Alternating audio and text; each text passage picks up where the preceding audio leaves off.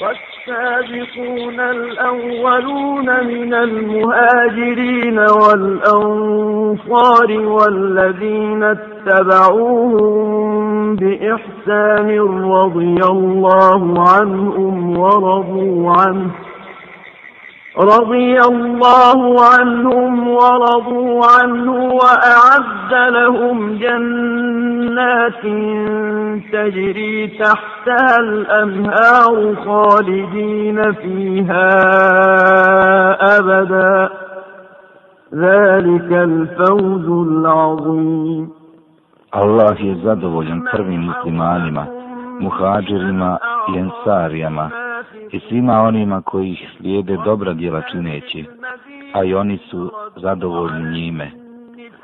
Za njih je on pripremio dženevske bašče kroz koje će rijeke teći i oni će vječno i zauvijek u njima boraviti. To je veliki uspjeh.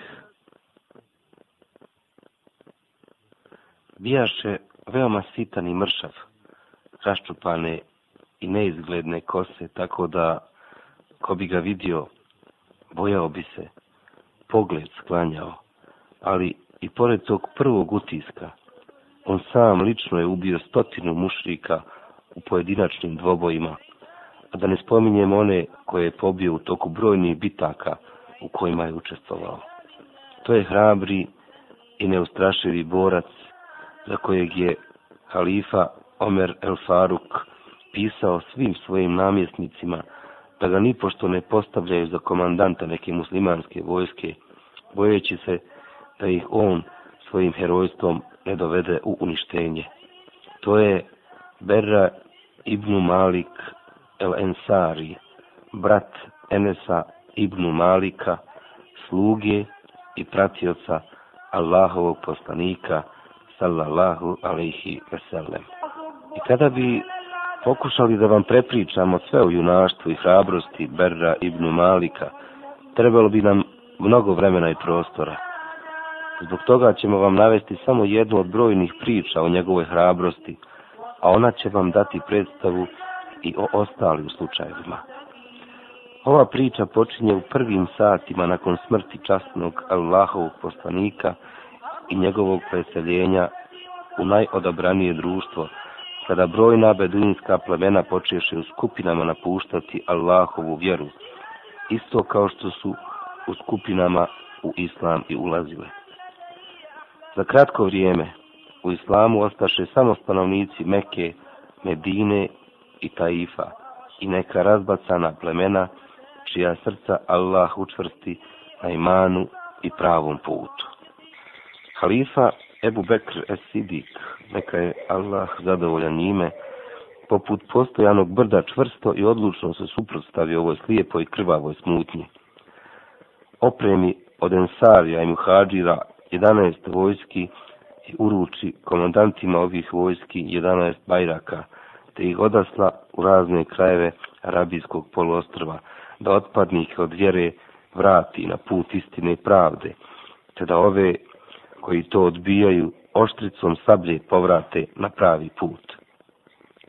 Najopasniji i najodabraniji od svih murteda bijahu pripadnici plemena Benu Hanife na čelu sa Musejlemom El Kezabom Lašcem. Sakupio je Musejlema što od svojih saplemenika, a što od njihovih saveznika 40.000 najsposobnijih ratnika.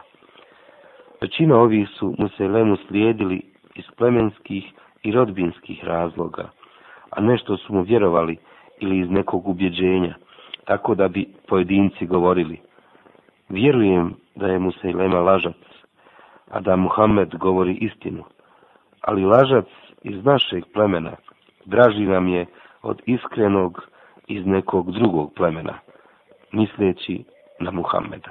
Prvu muslimansku vojsku pod vođstvom Ikrime Ibnu Ebi Džehla Museljema glatko porazi, vrati ih odakle su došli. Halifa Es Sidik posla drugu vojsku pod komandom Halida Ibnu Velida. Tu su bili okupljeni najugledniji ashabi od Ensarija i od Muhađira, a među njima i Berra Ibn Malik, kao i skupina najpoznatijih muslimanskih boraca. Dvije vojske se sukobiše na jemami u području Nečda i ne prođe mnogo vremena, a kolo sreće počne da se okreće u korist Musa i Leme i njegovih pristalica. Zemlja je podrhtavala pod nogama muslimanskih boraca, ali su oni malo pomalo morali se povlačiti sa svojih položaja. Musa i Lemine pristalice stigoše čak do šatora Halid ibn Velida i upadoše među žene i zamalo ubiše ženu Halidovu da je ne sačuva jedan od muslimanskih boraca. Tada muslimani osjetiše strahovitu opasnost i shvatiše da ako sada uzmaknu prednuse i lemom, islam više nikada neće stati na svoje noge. I Allah, koji nema sudruga, neće biti obožavan na arabijskom poluostrvu. Halid ibn Velid pristupi ponovnom prestrojavanju vojske te razdvoji muhađive od ensarija, a beduine, sinove pustinje i od jednih i od drugih. Tako pripadnike svakog plemena stavi pod zastavu jednog od njih, da se vidi koliki je čiji udio u borbi i da se tačno zna s koje strane uzmiču muslimani. Među protivničkim stranama ponovno otpoče žestoka borba, kakvu dotada muslimani ne zapamtiše u svim ranijim ratovima. Sljedbenici Nusejleme čvrsto poput brda izdržaše napade muslimana, ne osvršujući se na velike gubitke.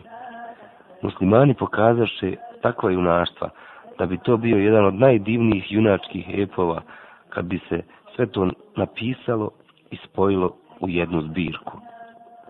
Eto, spomenimo Sabit ibn Kajsa, ensarijskog bajraktara, koji se namirisao 1400 čistim platnima poput kefina ogrnuo, a onda u zemlji rupu do koljena iskopao, u koju je čvrsto stao, nikud ni pedlja ne uzmaknuši, držeći bajrak svog plemena, sve dok se nije, kao šehid, mrtav srušio. Ili Zaid ibnul Hataba, brat ibnul Hataba, neka je Allah zadovoljan njime, koji povika među muslimanima – O ljudi, čvrsto se držite i ne uzmičite. Udrite neprijatelja, navalite na njega. O ljudi, tako mi Allaha, nakon ovih riječi više nikad ništa neću progovoriti, sve dok mu se ilema ne bude poražen ili dok ja ne stignem pred Allaha. Zatim Zaid navali na neprijatelja i neprestano se borio sve dok sam ne bi ubijen. Spomenimo i Salima Mevla Ebi Huzeife koji je nosio bajrak muhađira. Za njega se neki uplašiše da ne posusta u borbi, pa mu rekoše